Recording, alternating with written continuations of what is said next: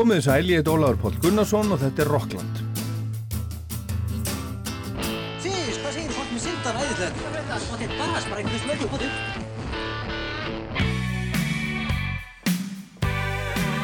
Það er ekki nema sangjant að helmingurinn af andvirði miðana verði greittur aftur. Sangjant er afstætt úttak Sigur. Er það ekki sangjant?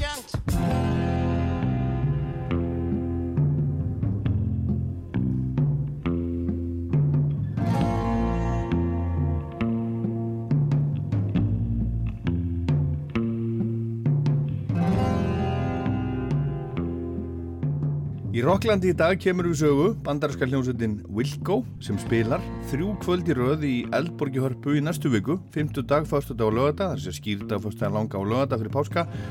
Og það eru uppselt fullt af útlendingum að, að koma, við heyrum um það og heyrum í gítarleikarunum Nels Klein og söngvarunum fórsparkarunum Jeff Tweedy Svo er það hljómsveitin Kvikindi sem hlaut verðlaun fyrir blötu ásins á Íslensku tónlistaverðlaununum í vikunni sem leið.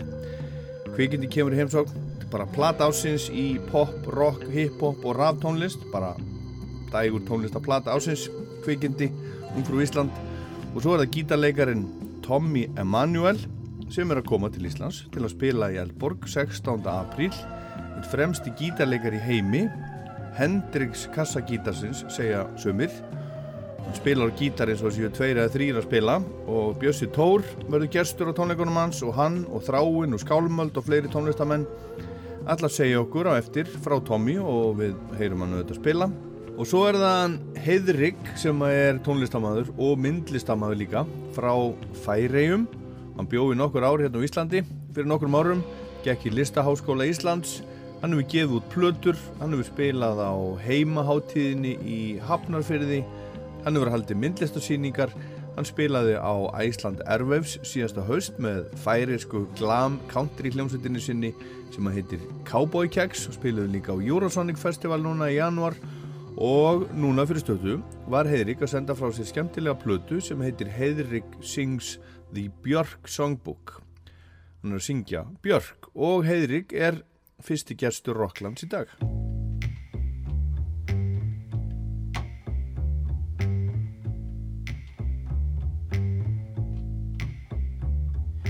How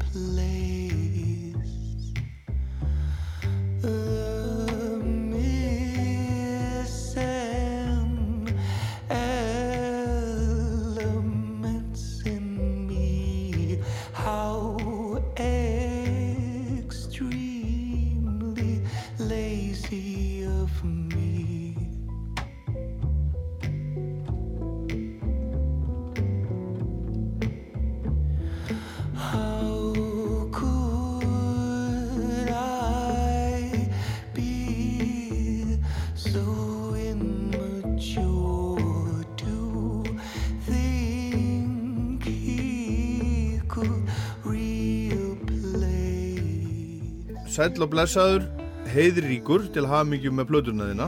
Eh, Takk fyrir það, já. Hvar, hvað er þetta statur núna? Ég er í Tórsöfn, ég var um, með tónleika í síðastu viku með þessa nýju platu og, og þannig er ég hérna. Já, en byrju, en hvar, hvar býrðu? Ég, ég er svona millum Tórsöfn og Köpen. Þú varst að spila uh, Björk í, í Þórsöp. Já, hún heitir Blábar, jazz, uh, jazzbarinn í Tórsöfn. Já, ok. Dja, Já, er jazzbar í Þórsöp. Já, jazzbar í Tórsöfn, þetta er Blábar og það er bara að spila jazz. En sko, af hverju ákvaðstu að gera þessa plötu?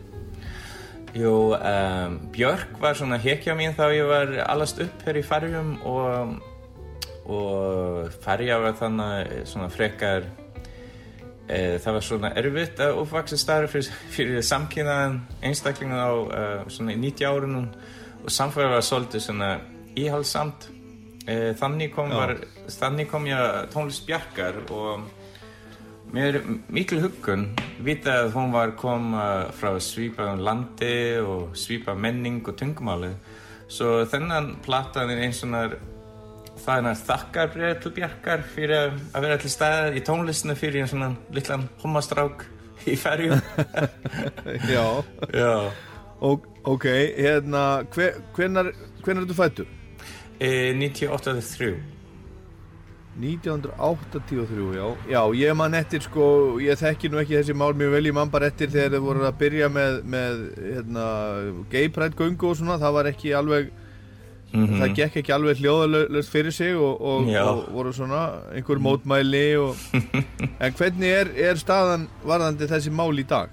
Þetta er svo miklu öðruvísi, þetta er annað land sko, þetta er, þetta er bara svo mikið breyttst í svona tíu ár, þetta er bara svona, við erum svona ógeðslega stóra eh, gay pride núna og fólk er bara, unga fólk er svo ógeðslega mikið opið, en þú veist, það er bara, þú veist, ég er fyrsta svona hliði um, sem er upp, þú veist, alveg upp sem er sjónvarpi og og þú veist, flugveli og allt, þú veist, svo mamma og pappi mín og ég, þetta eru svona different worlds, skildu svo og svona unga fólk í dag er eins og öll í heimnum en þú veist, þetta gamla Já. fólk er- þetta er kannski örvísi og kannski svona miklu árum svona dinosaur age. Svo það er svona svolítið fyndið samfélag. Já, já, ég menna þetta er örglega, örglega eins, ég menna og, og stundum, stundum tekur bara svolítið tíma að, að breyta hlutunum og, og fá fólk til að sjá hlutina frá öðru sjónarhóttni og, og, og svona allavega. En, það, en, það, en hvað, hvað hefur haft mest áhrif til dæmis á, á þessi máli í færi? Hvað gerði gæfu munin? Um, ég finnst að það var internet og sjónvarpa þetta. Þú veist að fólk bara þú veist, að tengjast til allan heiminn. Um, og þú veist við komum í samband við heiminn. Og, og fólk verið að tala gefn netið með annað fólk sem var eins og þeir. Og, og þú veist heiminn ber- meira, st- meira stór. Og, og árin var svona fólk var meira svona isolated skildu. Svo það var mikil öðruvísi og þetta Já. finnst ég var, var munurinn Við ætlum að heyra fleiri en eitt, eitt lag af plötunni. Við skulum heyra bara, byrja á að heyra Oceania, fyrsta lagi af plötunni. Af hverju, eða hvað getur þú sagt okkur um, um, um það? Okkur valdur þetta lag? um, af því ég var alltaf ég er alltaf að heyra í þú veist, í Björk að, að, að hún er svona mjög svona inspo á, á uh, jazzi og ég finnst þetta lag bara ógeðslega mikið jazz og um, og, uh, og þannig að ég heyri þetta lag ég var bara svona, ok, ég fara að gera þetta og enginn heyri, af því, þú veist, produksjónin er svo skrítin og, og, örvísi svo var ég bara að breyta það til svona örvísi til jazz og svo fólk bara, ah, hear what you're saying. Svo, því, já One breath away from Mother Oceana, your nimble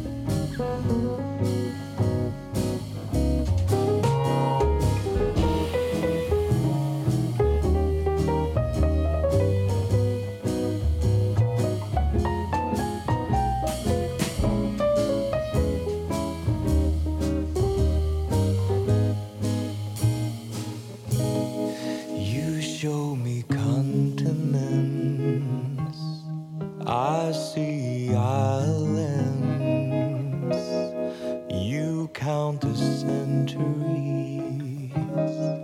I blink my eyes. Hawks and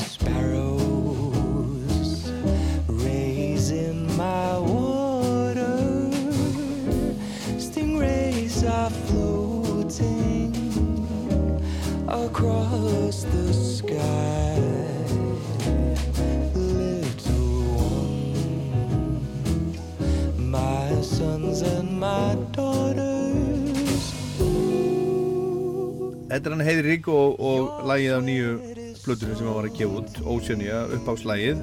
Þetta þetta er svona jazzplata þar sem hann er að syngja og, og flytja lög eftir, eftir Björk með uh, jazzfólki frá færium. Af hverju, af hverju fórstu þessa leið? Ég meina þú ert ekkert, það sem að þú hefur verið að gera, gera í músík er ekkert endilega jazz. Af hverju er, er þetta jazz? Uh, jú, ég finnst, ég finnst uh, tónlist mín inn, uh, það eru svona jazzlautir og, og ég er mjög svona inspired, svona fyrir mikla svona jazzi og, og ég veit ekki og ég verði bara að gera ógslega oft svona covers og Björk var þannig oft í mín covers og ég var að gera svona tíu ár síðan svona um, cover af Cocoon og ég var að leggja það út á YouTube og það er svo, svo mikið horfa að ég var bara svona ok, kannski er þetta eitthvað um, í þessu. Og svo að því var það svona ok, let's do it. En er, eru, sko, nú er náttúrulega Bjarkar aðdáendur út um allar heim og hún saði nú í viðtali við mig bara held ég fyrra að stærsti aðdáendahóparinn væri mitt Hommar í Söður Ameríku. Það var okay. hennar, hennar, hennar aðal, aðal aðdáendur hérna, er, er hérna, Björk er svolítið svona homohegja hún veit það. Fagheg já, já, já, allavega, þetta er það en, en, en sko, en eru, eru Björkar aðdáendur almennt út um allan heim búin að svona kveikja plötinni hafa samband við þig? Já, uh, það er ógslega, skrítið þú að segja það, af því það er ógslega mikið fólk svona, ég, ég veit ekki hverðum frá, en það er, þú veist, uh, það er á spönsku, svo það finnst ég ógslega að finna þú að segja þetta, svo þetta er, hmm, make a sense, svo já, uh, það er mikið svona fans og svona finnst þetta bara, æ, geðvegt, svo ég er mjög ánæður um það. Mm -hmm. Já. En þetta fólk sem er, er að spila þarna með þér, er, er þetta sér að þekktir jazzleikarar í færiðum?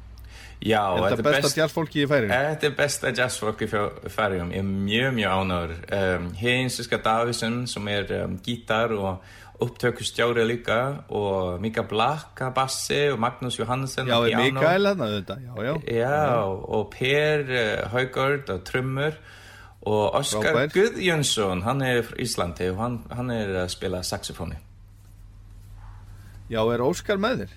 Já, já, já.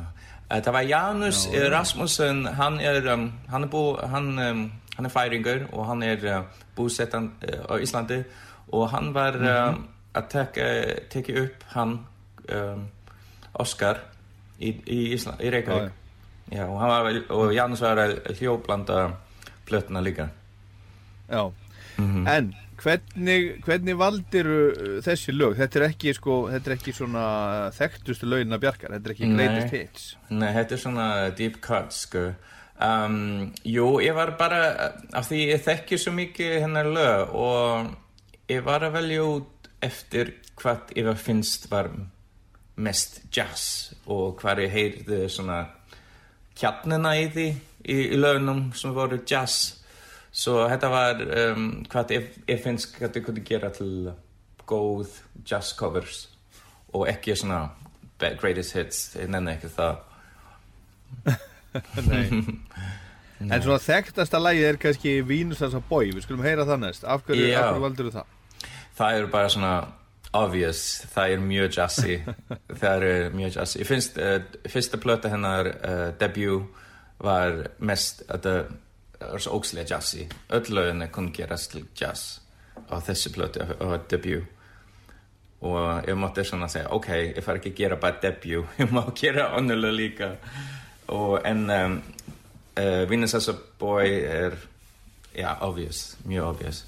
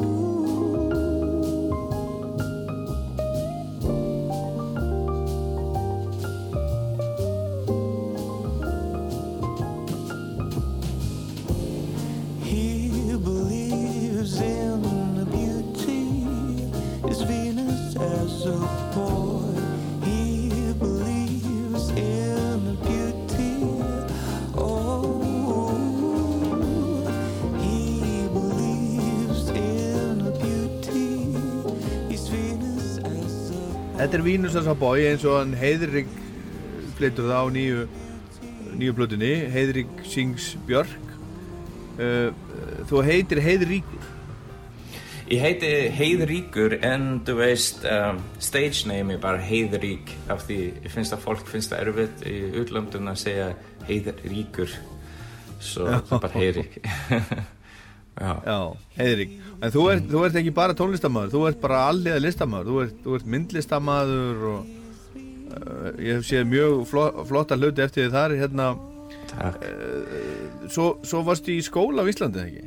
Já, ég var í um, listaháskólan og ég var uh, búinn hérna í 2017 Varstu uh, þar lengi eða nokkur ár?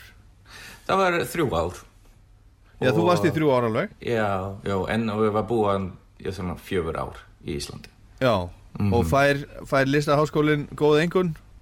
Já, já, já, jú, jú, jú Ég vond það Já, ánægður með það? jú, já, ég finnst listaháskólan bara frábær Ógslega góð kennarir og bara allt var gott Og, og þú, átt, þú átt íslenska vini og, og, Já. og leiðir, leið, leiðir vel á Íslandi? Mjög vel, ég, ég langa ógslega mikið að koma aftur. Það er svona mikið, það er svona ég langar að færja vera að vera um nökklu ár. Uh, þú veist, það er svo svipa og, og ég finnst að færja is getting there slowly. Já, ég var að tala með Páll Óskar og hann var að segja mér að Ísland var eins og færjum svona 20 ára síðan. Svo allt er svona svolítið behind en mjög svipa Ég var fyrst var við þig eh, 2016 þegar þú gafst út plötuna þína Funeral nákvæmlega. Hérna uh, uh, langar að spila lagafni sem að heitir, heitir Change of Frame áður nú höldum áfram, áður nú heyrum meira Já. á Björk. Já. Hvað er, er það syngjum þar? Ég var að syngja um, þú veist, þá mann er um, svona long distance með einhvað uh, kærastu eller kærastu og mann er kannski að gera það kannski ó colorful og fluffy, þú veist, dreymanir að þá það, þá þá kærastan kemur til Ísland eller færjar þá mann er allt í þetta gráa verði, weather, ég veit sem er veðri, já, svo does the colors fade away? Það, það er bara svona mann hugsa um, um það í ramman svo geta svo fallegt eller hvað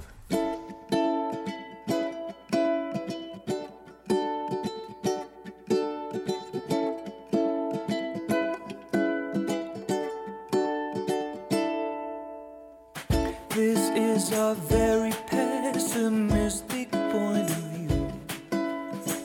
I guess that's an effect that distance has on you. Don't know if they come true. These dreams I made of you. A hundred flames or so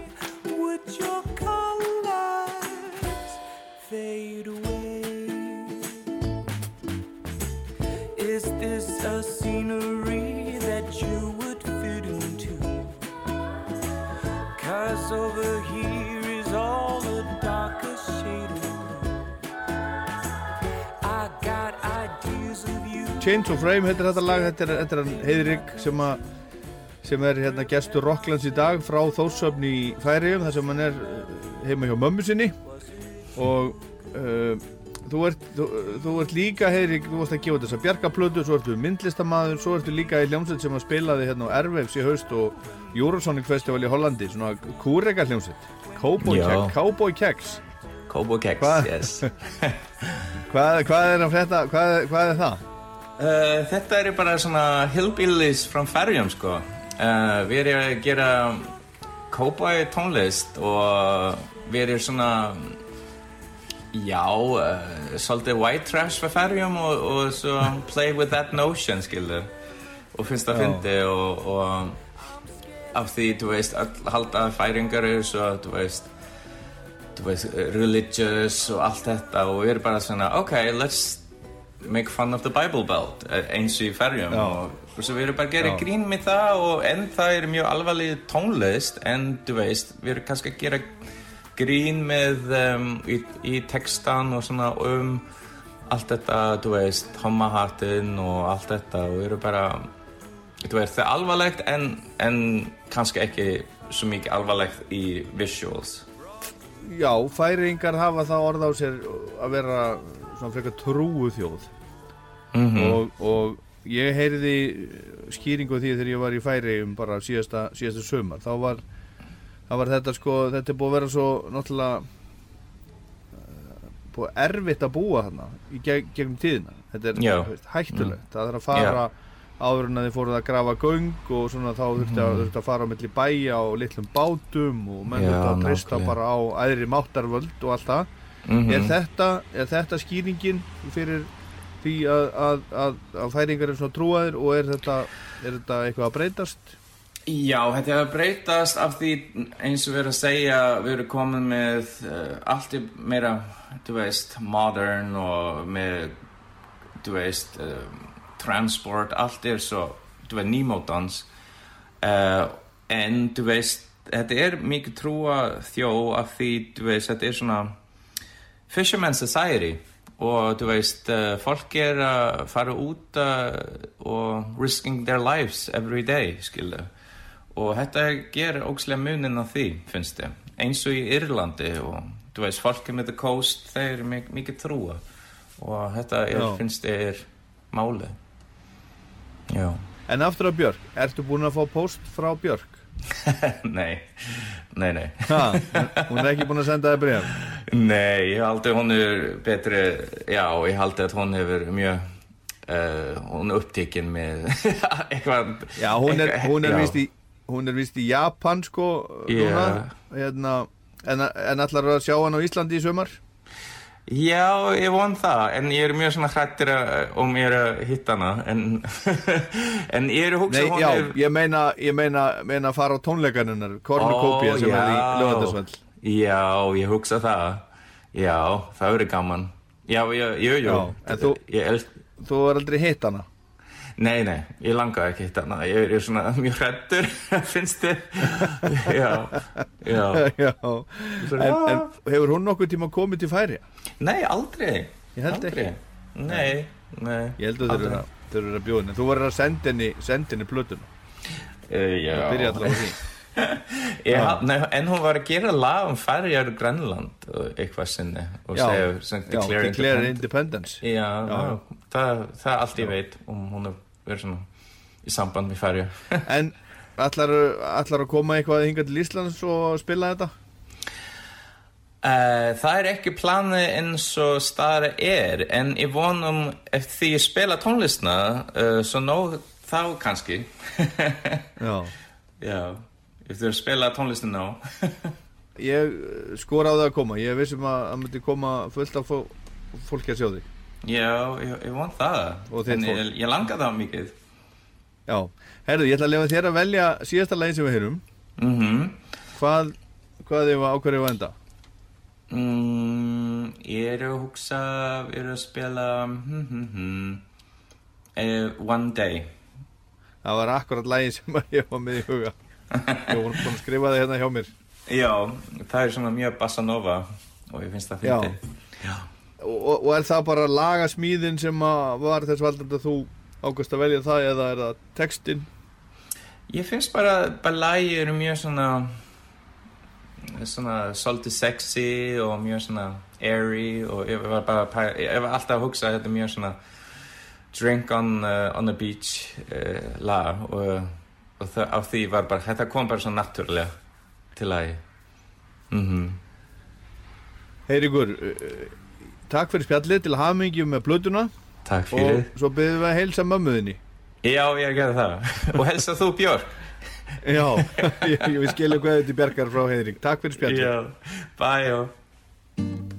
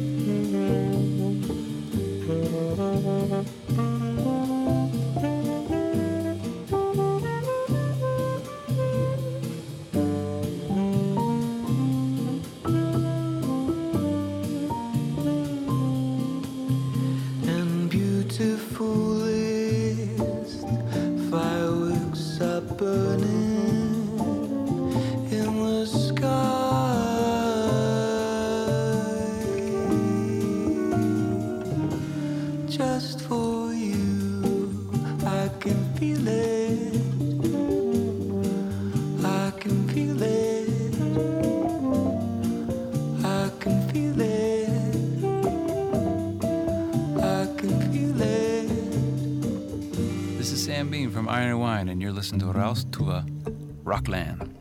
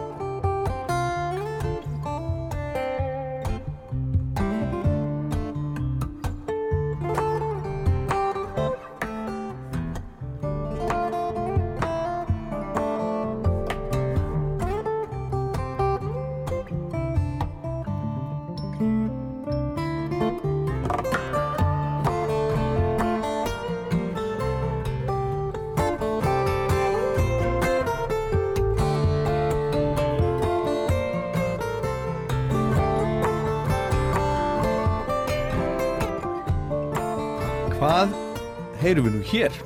Jú, hér heyrum við lægið Somebody That I Used To Know sem að ég þekki ábyggilega flest þetta er eftir, eftir Gautier sem að er belgísk, ástralskur lagahöfundur og tónlistamöður þetta var vinsælt, kom út og var vinsælt fyrir svona áratug, rúmum áratug en hérna er þetta flutt af tveimur gítarleikurum og annar þessara gítarleikara hann er að koma til Íslands, verður með tónleika í Silvubergi í Hörpu 16. apríl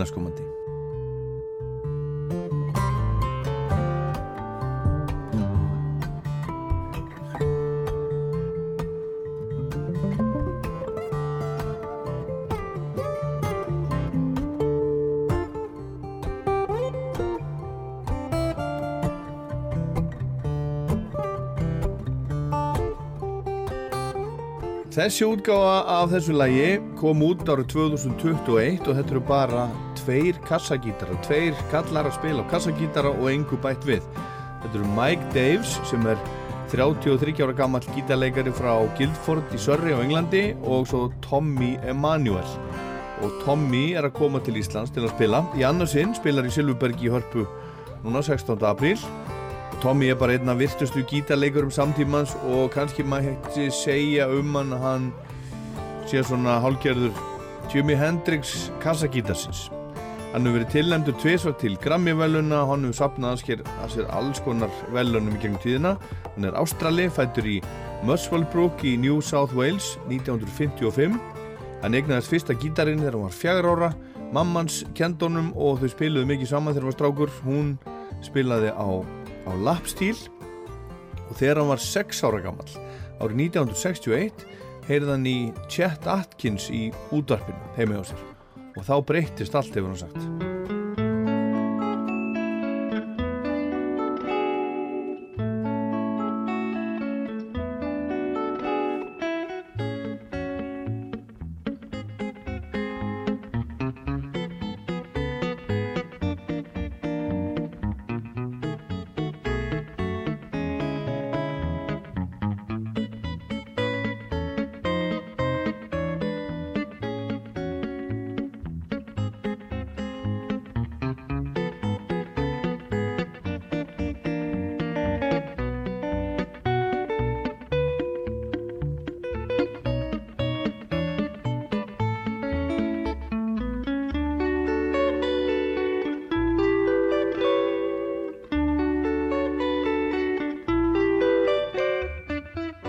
Sunnanvindur eða Mr. Sandman. Þetta er Chet Atkins árið 1955 svona ædolleðans Tommy Emanuel Þetta er árið sem hann fættist sem hann gaf þetta út. En þetta hafði mikil áhrif á hinn unga Tommy þegar hann heyrði þetta, þegar hann var 6 ára gammal svona vildi hann læra að spila og það átti hann svo sannarlega eftir að gera. Hann hóf feril sinn samt með, með svona hefðbundum hljómsveitum og tónlistamannum spilaði með Air Supply og Men at Work en ferði sér svo smátt og smátt yfir í að gera sína eigin, eigin músík og sinn feril. Uh, svona rétt fyrir 1990 sem hann gerði það. Og það er það sem hann er þekktastur fyrir að vera bara Tommy Emanuel á sviði með kassagítar að spila. Og við Íslandingar við eigum okkar Tommy svolítið og hann er sérstakur gestur Tommy á tónleikunum í Silvubergi núna 16. apríl. Það er Björn Tórótsen frá Hafnafyrði en hann er marg velaunaður fyrir músík eins og, eins og Tommy og er svona þekktastu fyrir það sem hann hefur að gera með kassagítarin eins og Tommy en við skulum heyra hvað hann hefur að segja um þennan ástralska kollega sinn og svo heyrum við lag eftir Bjössa sem að þeir spila saman hann og Tommy Ég held að Tommy Emanuel hafi tekið gítarinn upp á svolítið annað plan. Þannig að svo kallaðan akústik gítar með stálstrengjum stundu kallaða kassagítar.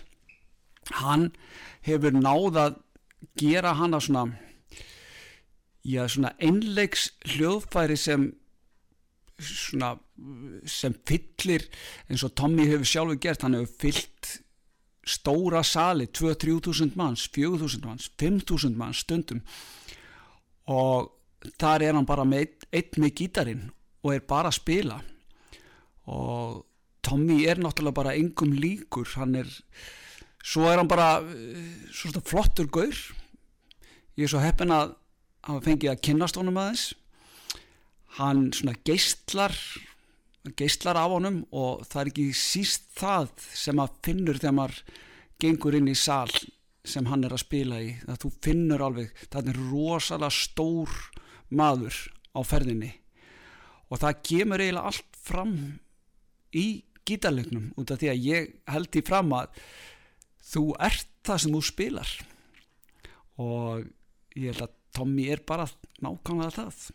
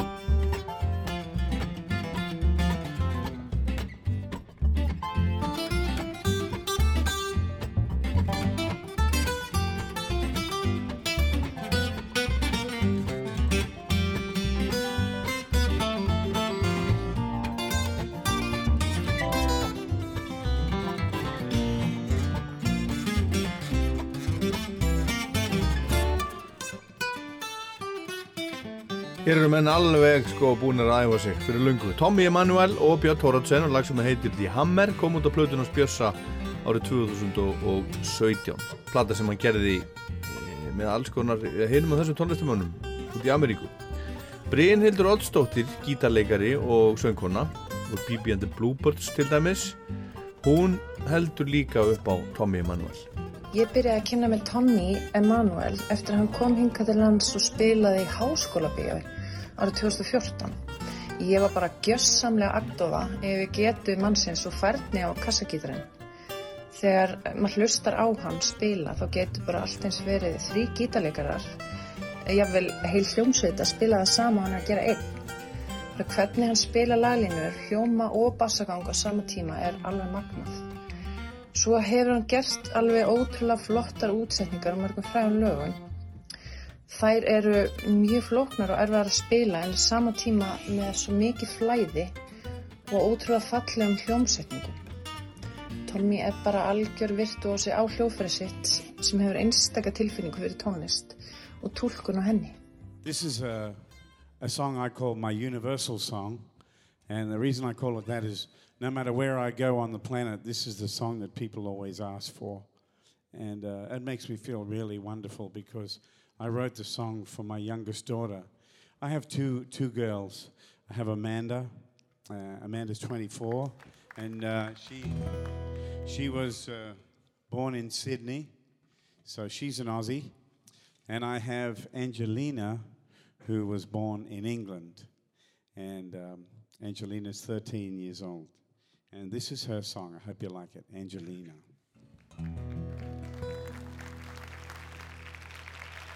That's her when she was little.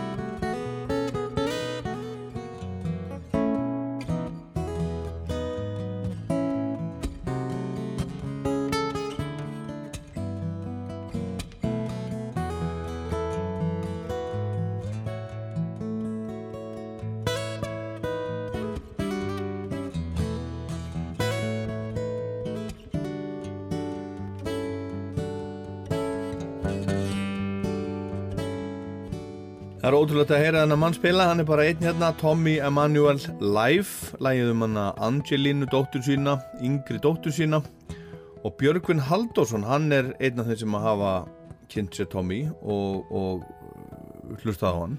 Já, eh, William Thomas Emanuel, gítarleikari Tommy Emanuel frá Ástralíu. Það er talið að hann sé bara einn af þeim bestu svona kassagítarleikurum allra tíma og ég held að hann sé bara eins og besti. Aðalega þekktur fyrir svona fingerstyle tæknina sem hann notar.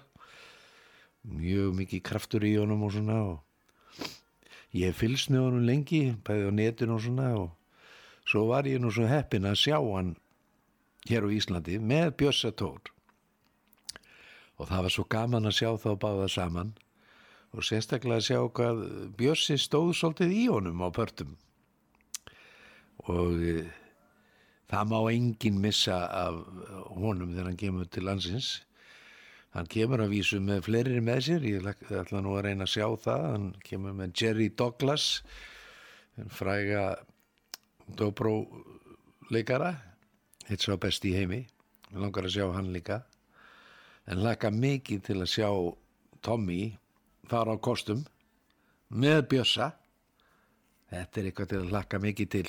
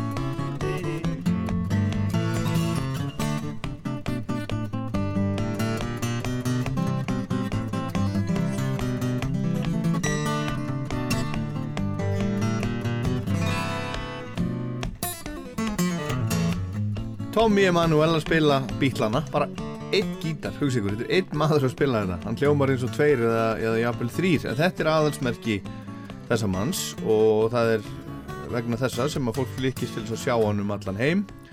Þráinn Átni Baldvinsson Þráinn gítarleikari í Skálmöld hefur stúderað Tommy Emanuel og ég bað hann um að leggja smá orði í belg. Tommy Emanuel Vá maður, hvar, hvar á maður að byrja? Hann er einn af þessum músiköndum sem hefur þau áhrif á mig að ég vil taka upp gítarinn og byrja að æfa mig strax eftir að hafa hlustað á hann og, og horta á YouTube-vídeóin frá hann.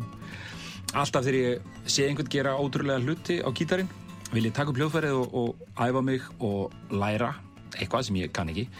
Og Tommy hefur alltaf verið rosalega duglegur að æfa sig, hefur náð svo stórkostleiri færni á hljóðfærið og Og hann er líka svo góður í að sína okkur hinnum að með því að æfa og æfa þá getum við líka náð einhverjum tökum á gítarnum sko. Hann hefur verið mér mikilvæg fyrirmynd þegar það kemur að æfingum og, og hvernig ég nálgast hljóðfærið og það sem kannski hefur heitla mig mest er einmitt hver mikla virðingu hann ber fyrir gítarnum og, og músík almennt og hvernig hann kemur þessari ástriðu til skila með einlægni, jákvæðni og, og húmor og það lítur að vera eitt af mikilvægast hjá músikundum að gleðja aðra, vilja gleðja aðra og, og deila með heiminum þessari dásemt sem músikin er. Og þar er Tommy kongurinn að mínu mati.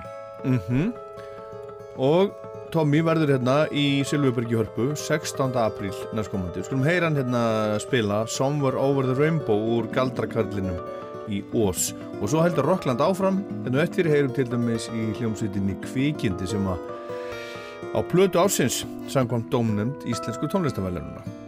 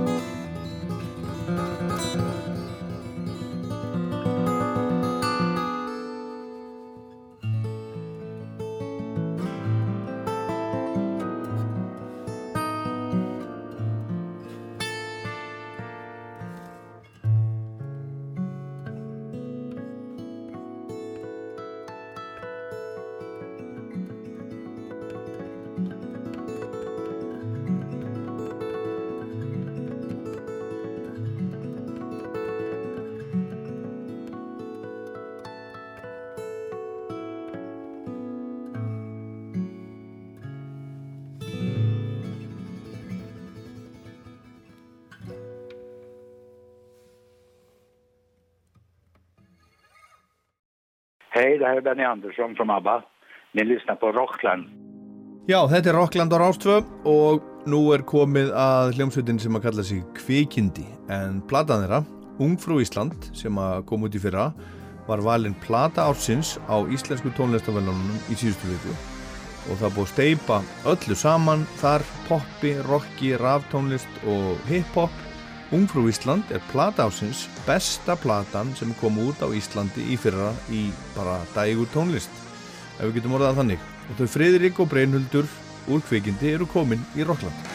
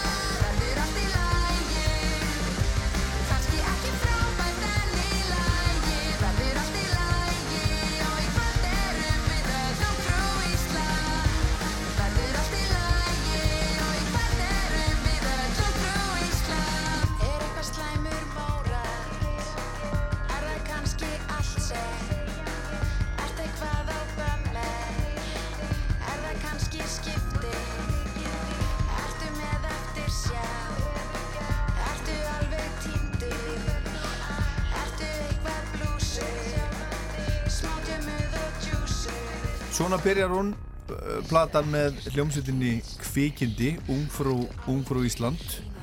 Þetta er, þetta er titilægið og, og uh, Kvikindið er komið hingað. Friðrik og, og uh, Brynhildur verðið velkomin. Takk. Til hamingju með, með hérna velunin Já, takk fyrir. Plata, plata ásins Mhm. Já. á íslensk, íslensku tónlistafælunum Það er stórt. Og, og hvað, ég menna, þú veist, ég hugsa bara allir í tíman 1999, Sigur Rós ágættis byrjun og núna, og núna kveikindi Ungur Ísland ok hvernig, hvernig er, orð. er að fá svona svo, svo, svona vel, ég menna þetta er bara veist, besta platan sem kom út á Íslandi í fyrra samkvæmt Damn. þessu Já uh, þú svara? Mér mér finnst það bara frábært, bara Mhm. ótrúlegt sko, ég, já, eins og ég sagði nú hann í þakkræðin, bara bjóst alls ekki við þessu. Mhm. og, Ekki að við höfum ekki trú á okkur, okkur finnst þetta geggjuð Já, klálega, ég meina ég, og við erum mjög stolt og svona, já, en, en einhvern veginn vorum við já, bara líka í þessum svakalega einhvern veginn flokki með algjörum kempum þú veist, þannig að við vorum einhvern veginn svona, já, ok, þú veist, það er bara gæðt mikið heiður að vera tilnæmdur og vera í þessum flokki og svo vorum við alveg mjög, Já, mér fannst það einmitt að fá tilnefninguna það var svona meira svona, ég var bara eitthvað bara svona, þú veist það var kannski ekki alveg jafn mikið sjokk eða svona, Mhm. ég hafði mikla trú á svo plötu og ég var bara svona, já, ok, og bara þegar ég fengið tilnefninguna þá var ég bara, oh, yes, geggjað Já, bara, já, já. Þetta, þetta er gott bara, Mhm. þetta er það sem ég árangur. og þess vegna, já, þess vegna segi ég bjóst alls ekki að vinna, ég bara svona var ekki neginn búin að, búin að sætta með þessa tilnefningu bara Mhm. mér fannst að vera bara það besta, sko Mhm. Já. en lítið vissi ég Já, já, en þú, þú, þú Fredrik, þú er, þetta er nú ekki fyrst tónlistavælinu sem að þú, þú færð Þú hefur verið Eh, að gera Já, alls konar ég- annað. Þú fengið grímuna Ég fengi grímuna Já. og var tilnæmdur líka fyrir óperuna mína til íslensku tónlistafélina Mhm. og svo Já, fyrir reyndar óperuna þína. Já, ekki til sorglegur manneskjan það hérna, var ópera sem að ég og, og Adolf Smári gerum árið 2020 það var algjör, algjör stemming sko og hérna Það var náttúrulega reyndar ekki eins gaman þú veist því að þá var hérna 2001 var hátíðin ekki beint haldin sko, það var bara svona Mm. það var mætt í stúdíu og það var lesið tilefningarnar og svo verðinu hafinn og svo var bara næsta hol sko Já. Mm. en, eh, en það var mjög gaman svo líka náttúrulega í ár sko það, ég var eiginlega ekstra því að hann Jónas Áskir, harmonikuleikari hann spilaði eftir mig verka á tónlistar hátíðinni í ár sett, og, og vann líka bestu plötu með ver og verk sem að ég á sem er á þeirri plötu þannig ég var svona fast ég svona gott. eiga, eiga smá í því líka sko þó að Ég segi bara, wow! Meina, þú ert, þú ert í þessari hljómsveit og svo ertu líka bara, hérna, tónskáld, svona sem að skrifar, eh, skrifa Mhm. nótur. Óperur og harmo, harmonikuverk. Já, einmitt, þú hver, hver, er, hver, hver er maðurinn? Hva, hva, Já, kemur? Sko, þú veist, ég held eða svona ég bara æði alltaf á píano ef ég var yngri. Ég var samt ekkert eitthvað mikið í klassík og veist, það er ekkert eitthvað hérna, fjölskylda mín er ekkert eitthvað mikið inn í tónlist eða þannig, en ég bara eitthvað, var alltaf á píano og svo bara allt í einu yfir mentaskóla, þú veist, þá var ég svona algjör rockari, sko, var bara eitthvað að hlusta á hérna, Muse og Smashing Pumpkins og eitthvað svo bara fór ég að fá mér áhuga á klassík og endaði að fara í tónsmjar í listaháskólanum. Og þá svona, þú veist, það er bara þessi klassiki heimur, hann tók svo ótrúlega vel á móti mér, en það er svona allir svo, hérna, þetta er svo mikið svona, þú veist, ekki það náttúrulega eins og, eins og hérna í pop tónlist, þú veist, það náttúrulega snýst að mestuleitu um tónlistin en það er kannski svona stór partur af því sem er svona ákveð svona, þetta er svona eðnaður og þetta er svona, það eru margir hlutir sem að einhvern veginn tengjast tónlist sem er alveg gaman, þú veist, og þetta er svona aðeins fjölbreyttara kannski en, en í klassísk og samtíma tónlist sem ég fannst svo geggjað bara, þú veist, það snýst svo mikið um tónlistina og allir bara er að mæta á Mhm. festival og bara eitthvað ótrúlega mikið að tala um verkin og spilarana og þetta er bara svona þetta er svo bara svo indislegu félagskapur mm. Mhm. klassikinn sko Ég heldur sér búin að missa hann, Raflin, nei, hérna, Brynhildur. Ég er búin að missa hann Aldrei Ég, vil, hérna, ég held að, að það verði ekkit meira kveikindi heldur, þessi plata og svo bara er hann farin, farin í klassikin alveg. Ó, ég vona ekki Ha, Nei, nei, Ég ég- meina hann bara lokar á augunum þegar hann sé frá. Ég veit það, þetta er svo Ég var alveg svona dálit Já. með í þessa frásögn Ég var bara, vá, þetta er svo fallegt Já. Herðu, heyrum annar lag, heyrum efst á Messenger. Mhm. Segðu mér aðeins frá því. Herði, já, þetta lag er hérna um, hvað getur við sagt uh, um svona erfiða ást kannski mm. og hérna og þetta er svona eitt af þeim lögum sem að var pínur svona erfitt að semja eða þannig, þú veist, það var svona sumlög bara koma og sumlög eru pínu meiri hausverkur og þetta var svona lag sem vorum að koma aftur og aftur að og þú veist ég skrifaði hérna fyrsta textabrótið, það var eiginlega svona byrjunin, var það ekki? Lúpan Ef að ég vil þig ekki Já, já, einmitt, einmitt. Ef að þú vilt mig loksins þegar ég vil þig. Ef að við viljum hvort annað til samneitis Ef að við höfnum hvort öðru svo samtímis. Og þetta var svona kannski þráðurinn í gegnum í gegnum lægið og svo voru alls konar obstacles á, á þessu ferðarlægi en hérna endaði sem þetta yndislega ferðarlægi þar sem við tölum um, um vitnum í hérna uh, fást og, og plöntufræði og alls konar. Skemmtilegt. Já, þetta er mjög, mjög fjölbreytt. Textin er mjög það er mörg að taka í textanum sko. Mhm. Nei, mér finnst þetta, ég var einmitt að hlusta bara fyrir mjög stuð, bara í síðustu viku á hérna eitthvað svona demo, það sem Mhm. bara versin eru bara einhvern veginn allt öru í sig og bara allt öru í lælinu og eitthvað og við vorum alltaf bara eitthvað, óóóó, þetta er ekki að ganga. En svo bara einhvern veginn komið þetta eftir Smallita, já. rosa langa tíma Mhm. Það verður ég gefu tíu ára ammælisútgáfu. Já, þá verður hérna Box set. box set með öllum Við eigum útgáfum. örgulega, já, það er náttúrulega til bara endalust Já, eins og örgulega svo margir eiga, þú veist, bara alls konar útgáfur og, og maður er einhvern veginn að reyna Guðanabænu passið upp á þetta bara. Já, nákvæmlega ert þú að gera það? Já, já, þetta er allt til ekstar og líka lögin sem komust ekki á plötuna sem Já, já, eru já, já. mjög skemmtilega en eru kannski ekki alveg svona pössuðu bara ekki inn í eitthvað þemað sko. Mhm. Ef að ég vil þig ekki þegar þú vilt mig Ef að þú vilt mig loksins þegar ég vil þig ef að við viljum hvort annað til samnætis ef að við höfnum hvort öðru svo samtímis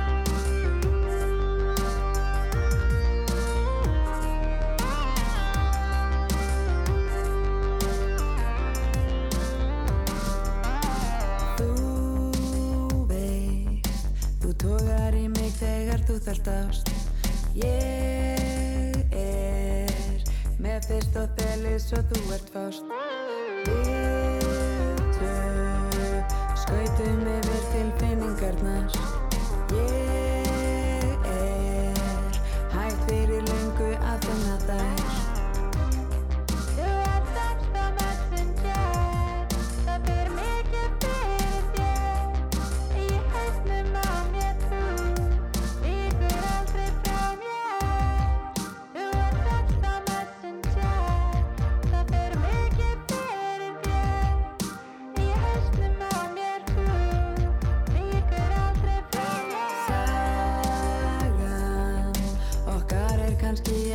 ekki stórbrotin Samt er síðasti kaplinn en ólokinn. Erum tvær vatna liljur í gróðurmón Verðum líklega aldrei trista móvísum Ég er að dansa og hlæja og skemmta mér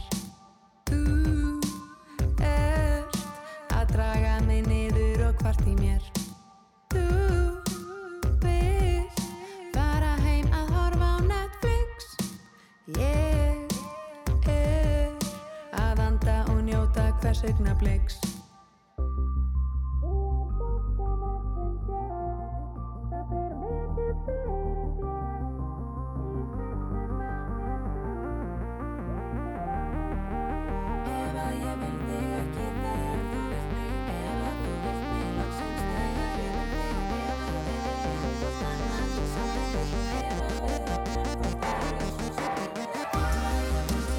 Kvikindi efst á Messenger, þetta er af plötunni Ungfrú Ísland og þau eru hérna Kvikindin 2, eða má, má, má ég tala um ykkur svo leiðis? Bara endilega. Já. Við viljum það helst. Já, Friðrik og Brynhildur Hérna, hvernig, sko, á, á, af hverju hljómar þetta svona og, og hvernig kynntust þið? Okkur eru þið saman í þessari hljómsveit? Mhm. Sko, við náttúrulega eins og Freyri Gransmann tala um sinn bakgrunn og hérna úr klassíkinni og ég er að koma úr pönginu, úr hérna, ég var einmitt búin að hugsa mikið um músiktilhörnir, mm -hmm. er Mhm. það ekki í gangi núna? Já, þær voru í gær Það voru í gæ- gær, er komið Já. sigurveri? Já, Ok, guð Ég ætti kannski að vita til hafmyggju En það var svona minn kannski uh, byrjun á mínum tónlistaferli voru músiktilunir með hljómsveitinni minni Hór, Hórmónar og hérna og svo voru ég og, og Frikki að vinna saman í útskrittaverki Stefáns Ingvars úr listaáskólinum og hérna og þá var ég í pöngljómsveit og hann, veist, í klassíkinni eða útskriðar úr listaáskólinum og það var svona eiginlega Stefáns hugmynd að við ættum að koma saman og gera poptónlist. Mhm. og, hérna, og okkur fannst það mjög skemmtileg hugmynd líka, bara hvernig tónlist myndi verða til ef við myndum einhvern veginn mætast á meiri leið og um, já það var svona kveikjan og svo einhvern veginn er bara búið að e, úst, er eitthvað svona dræf og eitthvað svona bara skapandi nýsti milli okkar sem er bara einhvern veginn búin að ganga áfram síðustu En árin þekkt, þekktust þið? lítið Mjög lítið. Þið, þið eru svona eins og, eins og hérna eins og boyböndin í, í útlöndum þið eru svona Algjörlega. bara svona búið til, sett saman Já. Já. bara nú, 100%. nú gerir þið eitthvað Mhm. Já. Soldið, við náttúrulega vorum alveg viljug til þess Já, já. og hérna og erum mjög góði vinnir í dag í gegnum Já. náttúrulega þetta frá í 2019 Já, en þú ert, þú ert líka, ég sá einhvers staðar, þú ert, þú ert, þú kemur úr svona dansheiminu líka, Já, ekki satt? jú Og, ég- og kemur svo inn í þessa hljómsveit, hormónar, slóið í gegnum músiktilunum og, og unnuð. Mhm. Og hvar er, er, er svo, svo hljómsveit í dag? Um, bara í dvala. Ég veit ekki hvort að hún mun einhvern tíman koma með eitthvað comeback, eða ég þóri ekki að segja en það er allavega ekkert svona við erum ekkert að starfa. Það er allir bara í sínu núna. Já, já. það er náttúrulega kom eitthvað upp á? Nei. Það er allir vinnir Já, ekkert vissinn En ég meina flott, band, ég, ég er bara alltaf rétt að vona að það haldi áfram uh, Hórmónar? Já. það verður eflaust Það er alltaf að taka smá hlje og svo er þetta Já, að gera já. hana, er þetta, er þetta að vera með mörg járn, járn í eldunum og, og, og hérna og allt það, en, en, Mhm. en hvernig, hvernig búið þetta til? Og ég menn þetta er svona sérstakur hljóðheimur ekki, ekki er þetta nú klassíski hljóðheimurinn þinn Nei. og ekki, ekki punk eh, dansheimurinn þinn Nei. Já, Nei, góð spurning. Vá, þetta er rosa góð spurning. Þetta er bara, já. Já, heila okkur er hljómar þetta svona en ekki einhvern veginn öðru sí Mm, vá, það er svo góð spurning, sko, það er bara mjög er þetta. Ég var, var alltaf svona svolítið útlið mér í rattónlist, sko, Mhm. og, og hérna, og var svona ekki, ekki að gefa neitt út þannig en svona hafði gaman að gera alls konar raf og svo einhvern veginn þegar við byrjuðum að gera tónlist saman, þá var svona, þú veist, bara svona, var ég svolítið að reyna að elta líka bara, þú veist, röddin hennar Brynhildar og hennar hugmyndir og, og þetta var náttúrulega bara, þú veist, og er rosa mikill leikvöllur fyrir okkur, þú veist, við erum Mhm. bara við erum bara að sína hvort öðru lög eftir aðra listamenn og erum bara, ó já, þetta er, það er svo cool að gera eitthvað svona og, og eitthvað, já, við ætlum að gera eitthvað svona og svona, reynum alltaf að finna eitthvað, eitthvað svona kannski koncept sem við viljum vinna út frá og svona, Mhm. og við höfum einmitt, oftast sko, þú veist, ég held að þegar við vorum að byrja þá vorum við svona stundum að prófa það að ég var búin að gera eitthvað svona, svona takt eða einhvern grunn undir en það hefur alltaf gengið best þegar við erum bara erum bara með aukt blað og erum bara eitthvað tölum um að gera eitthvað í svona klukktíma Mhm. og svo gerum við eitthvað og Mhm. það verður alltaf bara eitthvað mjög ólíkt til Mhm. mjög mismunandi Það er alveg, já, ef við ættum að lýsa okkar ferli, byrjum alltaf að hittast, fá okkur kaffi, bladra í kannski svona klukkutíma og svo gerum við eitthvað. Já, já Mjög góð aðferð fyrst mér, það var svona, er maður einhvern veginn komin bara svona í takt við hvort annað og svo erum við að skoða ykkur einmitt, eins og Frikki segir, mjög mikið að skoða alls konar tónlist, eitthvað sem að við höfum dottið niður á eða finnst cool eða eitthvað að reffa og svo gera bara eitthvað tilraunir. mm -hmm. Mér langar að spila næst lag sem heitir Beta Mm Viltu Hvað- tala um það? Já, Já, þetta er uh, samið um hana Elisabetu Segler, vinkonu mína, sem að, uh, já, sem að framti sjálfsmór 2019. Um, bara stuttu eiginlega áður en að við stopnum uh, þessa hljómsveit. Og já, og þetta var mjög svona uh, mikill, mikil sorg í mínu lífi og bara vendipunktur eiginlega líka og ég er svona hef allar götu síðan alltaf einhvern veginn ég veit það ekki, man, þú veist mér langar svo mikið einhvern veginn að gera eitthvað þú veist, fyrir hana eða svona í hennar nafni eða eitthvað svona að því hún var svo ung og, og hérna og mér langar einhvern veginn að fólk mun eftir henni og minnist hennar og þetta er svona einhver tilraun til þess þetta lag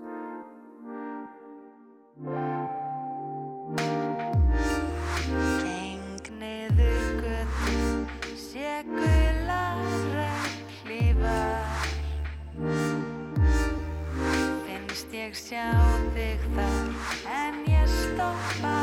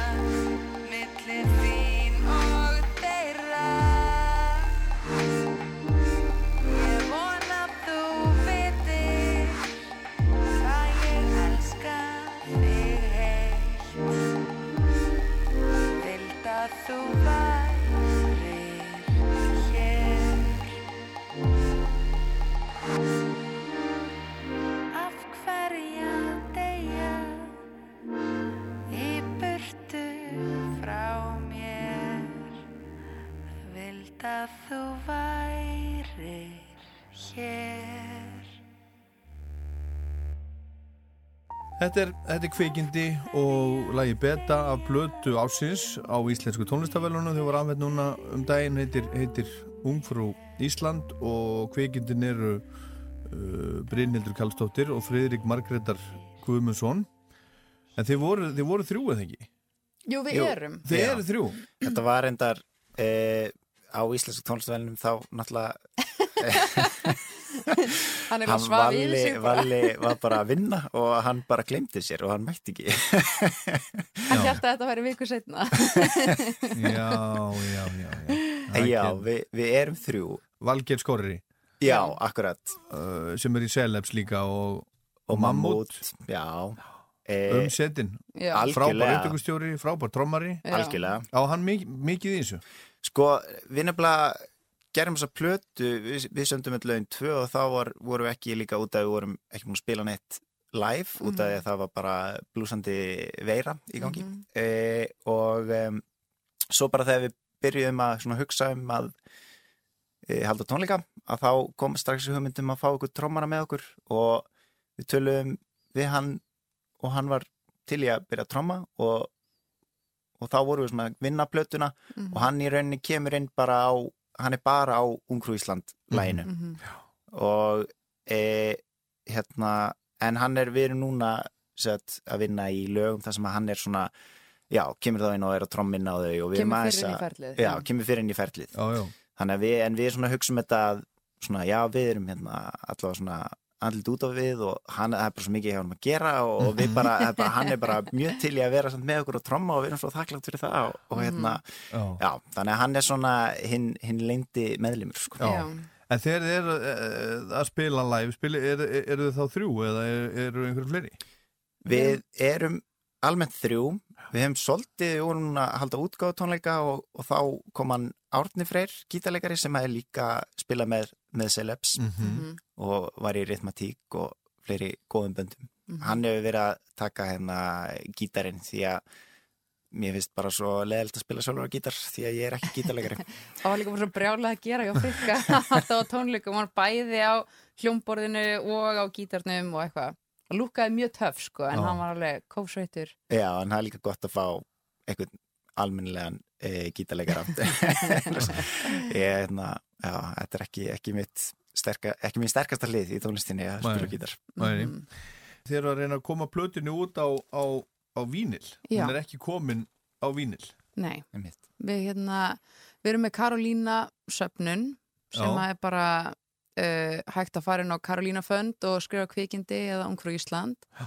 og það er hægt að kaupa plötu í svona forsölu Mhm. og kaupa bóli og alls konar og líka bara hægt að styrkja okkur ef að fólk á ekki plötuspilara eða, eða annað og já, erum að erum svona komið með eh, 20-30% safnað núna Já. og erum bara mjög bjart sín að okkur takist það. Og hvað, hvað er, er þetta opið lengi? Þetta er opið í hvað, 50 uh, 45 daga í viðbútt Já. Já, þetta er bara, þetta er bara nýjopnað Þetta er bara nýjopnað, já. Við Já. bara opnum Og hvað, hvað hérna, uh, þú veist, uh, þetta er náttúrulega þekkt, þetta Karolina Fönd, sko, Mhm. uh, uh, eru þið, eru þið byrjuð að framleiða plötuna? Ég menn, eru þið búin að senda, senda master og, og Nei, hanna við- og eitthvað? Já, við erum, við erum búin að hanna allt uh, hérna, umslægið Við erum í og samskiptum við uh, við þau hérna hjá RPM. Records í Danmörku sem ætla að prenta fyrir okkur og já, við erum í rauninni bara að býða eftir hérna Pening. að eiga fyrir þessu og þá, þá fer þetta strax í framleyslu og ég meina Mhm. það geti tekið nokkra mánu en, Já, en já, hérna, en, en, en tekur þetta ekki, einmitt, er ekki, er ekki sko röðin í vínilframlegslu alltaf nokkri mánuðir? jú, Mhm. einmitt þetta, Þetta er þetta margra mánuða prósess. þetta er ferli sko Já. En við erum bara svo rosalega fátæk að við erum bara að gera þetta svona Já. okkur langaði þetta að vera lengur búin að fyrir okkur, við erum náttúrulega tónlistar unendur og það að fá að halda á sinna eigin plötu er eitthvað svona draumur sem að við eigum bæði Já. þannig að þetta hefur alltaf verið svona mjög mikilvægt fyrir okkur að gefa hann út af vínil og platan er alveg hugsuð svona á bíja hlið Já, já. Aha. og hérna uh, þannig að já, bara vonandi gerist það sem fyrst en maður verður líka að vera þólmóður allavega er það um, það er alltaf mjög mikið verkefni fyrir mig í tónlistar. Mér langar allt gerist svona slum Já, hraðar en, en það gerist. En, en, en, uh, en hvað með, þú veist, er það að fara, þið voru með útgáð og tónleika fyrir, fyrir stuttu, er eitthvað, Mhm. er eitthvað, er eitthvað meiri spilamennska á framöndan? Já, Já. Herðu, við erum allavega að fara að spila á Aldrei fór söður Já, þið eru þar. Við erum Mhm. þar Svo vorum við í Gíslamartinni síðasta fyrsta dag Já, einmitt, akkurat Við vorum þar vonandi sástu okkur Já. Og svo Já, já, þið voru að gefa, út- já. Já, Mhm. já, Þið voru að gefa út nýtt lag. Já, einmitt, við vorum að gefa út nýtt lag á föstudaginn hérna, e, Heiðin Há sem er cover af Wuthering Heights eftir Kate Bush með íslenskum texta sem þetta var Þórin Eldjátt sem að þýtti og hún hérna Margrét Eyr Mhm. hún hérna söng þetta fyrir einhverjum árum ára, áratug Já. Segjum- segjum árum til að vera einhverjum árum Já, ég man eftir, því, það gætu verið 20 ár, sko. Já, ok, ok. akkurat. Eða eitthvað, já, já, Já. ég man eftir því. Já. Þetta er sami texti Já, en okkur eru það að gefa þetta út? Sko, ég, við, já, já, ég er allavega mjög mikill Kate Bush aðdáðandi og hef verið lengi og þetta er bara eitt af mínum uppáhaldslögum. Ég ætla ekki að tala fyrir Freyrik, en Já, bara við vorum með bara við vorum bara með hugmynd Mhm. se- að bara taka teika á þetta lag sem Já. okkur fannst vera áhugavert og skemmtlegt og og setja þetta í dans takt, þú veist, þannig að fólk getur dansað við þetta. Það er svona geggja drop sem að er alveg, þú veist, Aha. svona le- löng uppbygging í drop þar sem að maður á að dansa crazy mikið. Já, og mér meina við þurftum bara að gera þetta Vist að við vorum með hugmyndina. Við verðum að framkoma. Allir að setja þetta, er þetta, verður þetta auka lag á plötunni kannski? Vá, ég, ég held ekki. Mm, Nei, Nei. Við ólíklegt getum ekki fara að bæta við hana núna þá... Já, en þetta alltaf, en, en við verðum að heyra þetta. Já. Já. Hlustum á þetta. Absolutt. Heiðin há.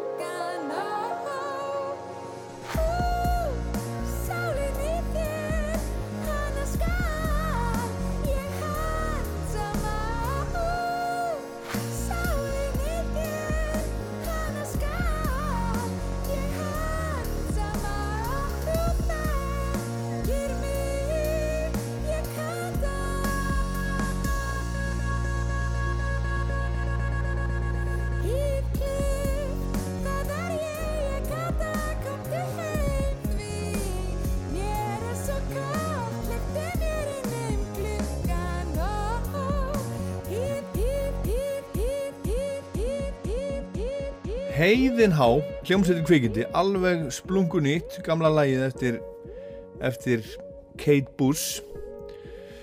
Herðu, en hérna, uh, þú Brynildur, þú ert nýjórið móðir, er það ekki? Jú. Og, og, og hvernig, hvernig er að, er að blanda þessu svona saman, vera, vera svona rockstar og, og, og, og hérna, nýböku Um, móðir? það er eiginlega mjög skrítið þetta er svolítið eins og að lifa tveimur lífum finnst mér eða þú veist, að því að ég er bara heima í allan daginn með í skítuðum ból að gefa brjóst Á sloppnum. á sloppnum og svo hef ég mig til og, og fer upp á svið það er Já. mjög svona súrealíst sko. og hérna En svona er bara lífið hjá, hjá öllum. já, já, já, já. Veist, það er bara svona. Já, svona er lífið. Ég er Já. líka alveg ofta að hugsa það. Og svo, þú veist, að því að maður er náttúrulega alltaf að pæla líka í einhverjum svona samfélagsmiðlum og eitthvað svona og oft er ég að horfa á einhverja konur og er eitthvað, "Ah, hvernig gera þér þetta, veist, einhvern veginn. Og svo sé ég mitt þar sem ég posta bara þegar ég er ógæslega sæt og tilhöfð og við erum að gera eitthvað cool og ég er bara, vá, ef fólk gæti séð mig einmitt heima á sloppnum bara með, þú veist, eitthvað æl út um allt og eitthvað. Myndi ekki hugsa að ég væri mjög glamorous. En þetta er bara, þetta er bara hugmynd, ég meina bara einhver svona uh, nýr miðill, Brynildur og Sloppin. Já. Bara með gubb á öxlinni. kannski ætti ég að hætta að posta þegar ég er eitthvað að gera eitthvað cool bara gera- gera bæði bara. bara posta, já, Bara gera bæði. gera, bæði That's life. Já. En þú, ert þú, ert þú í, í þessu líka að posta einhverju myndum? Ég var á barni, Já. já. það er að koma núna í mæ Líl strákur, þannig að Já. þá e, já, ég er mjög spenntur að hérna, dætti einan pakka með, með Brynildi og, og Matti hennar Brynildan, hann er einmitt hann er að ætlar að, ætlar að vera í fæðingarólega líki sumar við ætlum að vera að taka litlu, litlu kvikindisbönnin út í göngutúra og svona Já, já, Já það, er, það er hérna, hérna Hataramatti, hann er, hann, hann er maðurinn þinn. Já, hann er maðurinn Ég sá nefnilega, uh, sá pistilettir hann hérna í, í stundinu um daginn eða heimildinni, þar sem Mhm. hann var að tala um, um svona hvernig, hvernig lífið breyttist eftir að negnaði spatt. já, já, já, hann var að skilja nýjum uh, pisli í gær sem heitir þrjú ráð til að stunda kynlíf með unga barn. Ok. Mæli end, endilega mæli þess að mér fannst það pínum vandræðilegt en Já, já. That's life. líka. Herðu, gott fólk hérna, til hamingju með, með þessa fínu plötu Takk. og velunin og allt það. Við ætlum að enda á lagi sem heitir OK. Er það OK? það er æði, Já. við elskum ok. Og, og sagan á bakvið OK Hvernig er hún hún? er mjög, ég get haft hana mjög hnitt með það ég var einu sinni að tala við Frikka og við vorum á okkar uh, trúnái og ég sagði, ó, mér langar bara svo mikið ég er til að borga 30 skall fyrir sálfræðing bara til að hann segi mér að ég sé ok. Bara til þess að hann segi, Brynildur, það er bara allt í lagi með þig. Og þannig var þetta lag til. Mhm. þetta er stuttasagan og svo bara tólki hver eins og hann vill. Ljómandi. Kvikindi, takk fyrir komuna. Takk fyrir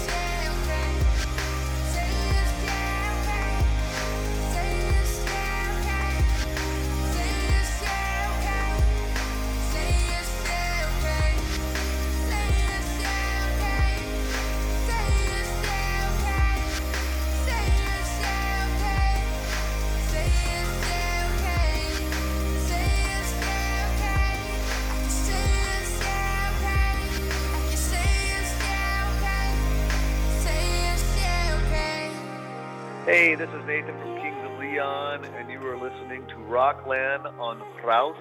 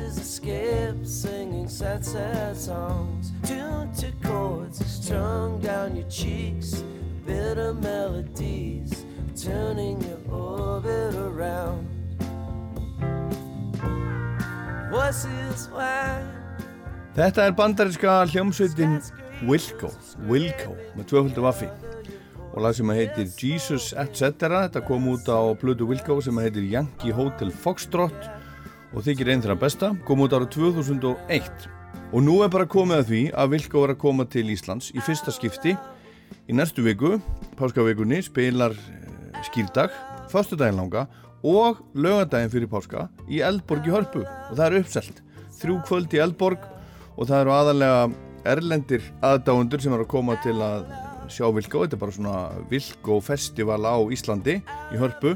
Það seldist upp á nokkur mínútum þegar salan fór í gangi fyrra og flest af þessu fólki sem er að koma til þess að sjá Vilko allar að sjá upp á hljómsveitinu sína spila þrísvar og í raun fjórum sinnum vegna þess að það eru óramagnar auka tónleikar fyrir einhvern hluta á hópnum í viðei En það eru þetta líka slatti af Íslandingum sem ætlar að sjá Vilko og það eru sömur sem að náðu sér í miða sem á að þurft að losa sig við á vegna þess að eitt og annað kemur upp á í lífunu eins og gengur. Og tónleika haldarinn sem að stendur fyrir þessum tónleikum, fyrirtækið sem er bandarist og heitir Bucket List Tours og stendur líka til dæmis að koma Pavement til Íslands í sumar. Þeir eru að aðstóða fólk við að endur selja miðanu sína á hefðbundnu verði vennilu verði og það er hægt að skrá sig á byðlista eftir miðum í gegnum Tix. Það var margir sem voru súrir yfir því að fá ekki miða þessum tíma og mikið af miðunum fór til útlanda en e, það er möguleiki jafnvel ennþá að ná sér í ná sér í miða og fyrsta skrefið er að fara bara inn á Tix og finna Vilko og þá er þetta að skrá sig á svona, svona byðlista ef einhverjir, einhverjir detta út en þetta eru stóri tíðindi, svo ég tali til dæmis bara fyrir, fyrir sjálfa mig, þá er þetta súljómsveit sem ég hlustaði mest á í fyrra, til dæmis á Spotify, lang mest, þetta er, þetta er mitt band, ég hlustaði meira á Vilko en til dæmis Neil Young og Beatlana og bara allt annað sem ég hef áhuga á. Og ég er ótrúlega spenntur fyrir næstu viku, nældi mér í miða á alla tónleikana. Og Vilko er líka síðasta hljómsveitin sem ég náðu að sjá á tónleikum í útlöndum fyrir COVID, sá það í februar 2020 í e, Kaupmannhöfn í Kristjaníu og það var alveg aðeinslegt. En þessi hljómsveit Vilko var til í Chicago í bandarækjunum árið 1994 upp úr annari hljómsveit, Alternative Country hljómsveit sem að hétt Uncle Tupalo eftir að söngverða þeirra sveitar Jay Farrar hætti og fyrstu árin voru talsverða mannabreitingar í hljómsveitinni og í dag eru þeir tveir eftir af uppáflega bandinu, bassarleikarinn John Stirratt og söngvarinn og aðalagasmiðurinn Jeff Tweedy. En síðan 2004 hefur sveitin verið einskipuð ansi gott, næstu í 20 ár. Jeff Tweedy, John Stirrat, Nels Klein á gítar, Pat Sansón á ímisljófari, Mikael Jörgensen á hljómborð og Glenn Kotche á trommur og Vilko hefur sendt frá sér 12 stóra plötur undir eiginnafni, tvær plötur með breytanum Billy Bragg sem að spilaði hérna á Erfes fyrir nokkrum árum í fríkirkjunni og eina með hljómsveitinni The Minus Five. Og áhrifavaldar Vilko koma úr ýmsum áttum erun en eru kannski helst Bítladnir og hljómsveitin Television sem að spilaði eins og á NASA í Reykjavík. Og Vilko hefur svo með sinni músík haft áhrif á ótal aðrar hljómsveitir hefur verið í, í farabrotti í alternative country rock senunni og, og, og einn svona beintenging hérna við Ísland er til dæmis hljómsveitin Múksefjun sem að margir þekkja, frábært hljómsveit. En Vilko sendi síðast frá sér blödu í fyrrasumar, heitir Cruel Country og hún er eina blödu málsins í fyrra, finnst mér. Skulum heyri eitt lag af henni sem að heitir Tired of Taking It Out on You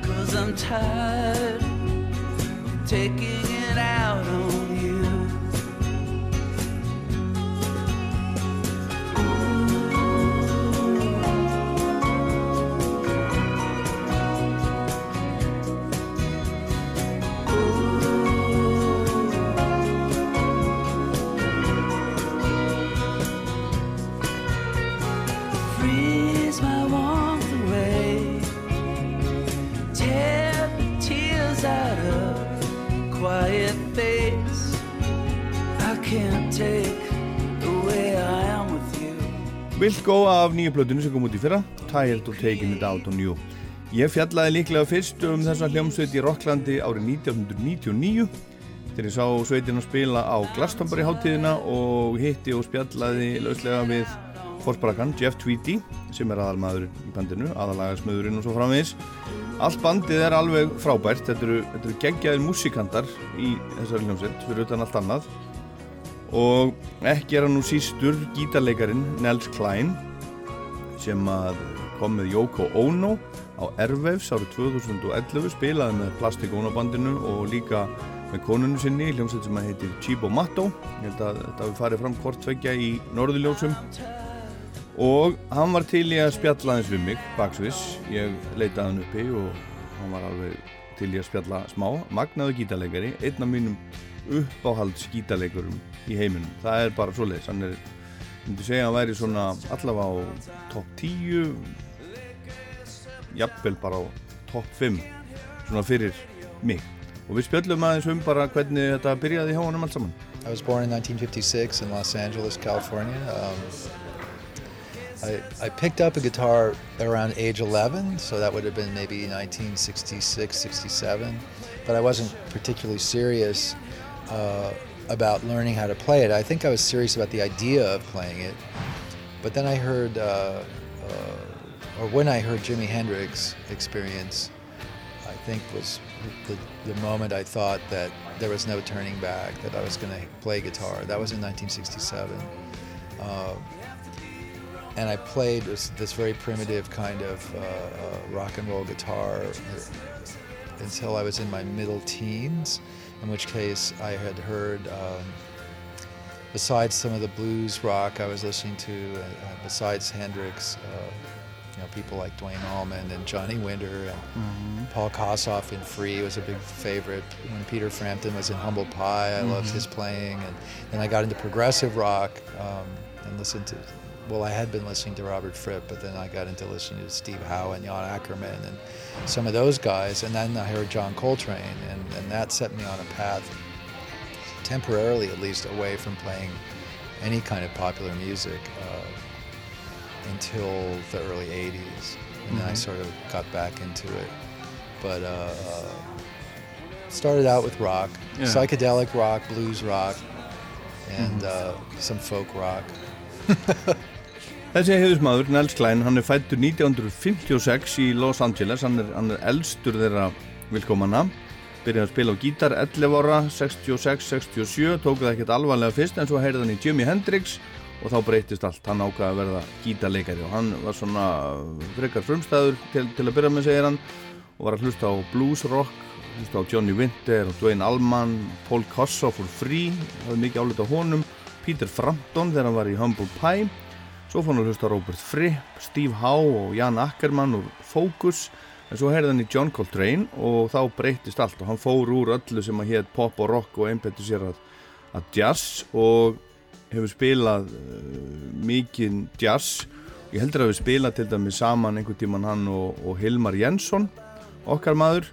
Og hann er í svona þessum svona, hvað var kallað þetta avantgarde jazz heimi búin að vera í því Hún er gefið plötur undir nafninu Nels Klein Singers og, og uh, svona jazz megin í tilverunni og, og tilröna megin en svo gekk hann til liðs við Vilko árið 2004 og, og spila þá bara svona rock og, country rock og eitthvað svona. Og við skulum heyra í lokin smá brot og rocklandi frá 2007 þegar fyrsta Vilko-platan sem Nels Klein spilaði á kom út, hún heitir Sky Blue Sky og hún er frábær og hér er Jeff Tweedy að tala um Nels sem að hann sagði að hann væri afskaplega örlátur, hann væri til dæmis alltaf að hvetja sig til að spila fleiri gítarsólu sem hún þótti dálítið sérstætt vegna þess að, að Jeff Tweedy er kannski fyrst og fremst lagasmiður sem spilar á gítar en Nels Klein er, er bara gítarmistari hlustum. We really like to play. And uh, Nels is is an obvious addition to this record. And I can't really think of anybody that would be a better guitar player. Honestly, I can do so much, and he's so uh, he's just such a wonderful, uh, generous type of musician, and and um, he's really always kind of encouraging me to play more solos and stuff, which I think is very perverse of him to do so. Og svona sláum við botnin í Rockland dagsins, ég heit Ólafur Pál Gunnarsson, hér er Impossible Germany með Wilco sem spilar þrísvar í Eldborg í næstu viku. Takk fyrir að hlusta. Og hækki svolítið þessu, er, þetta er snilt. unlikely Japan.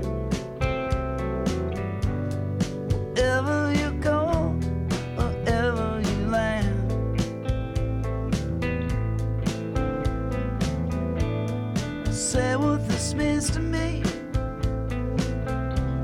I'll do what I can.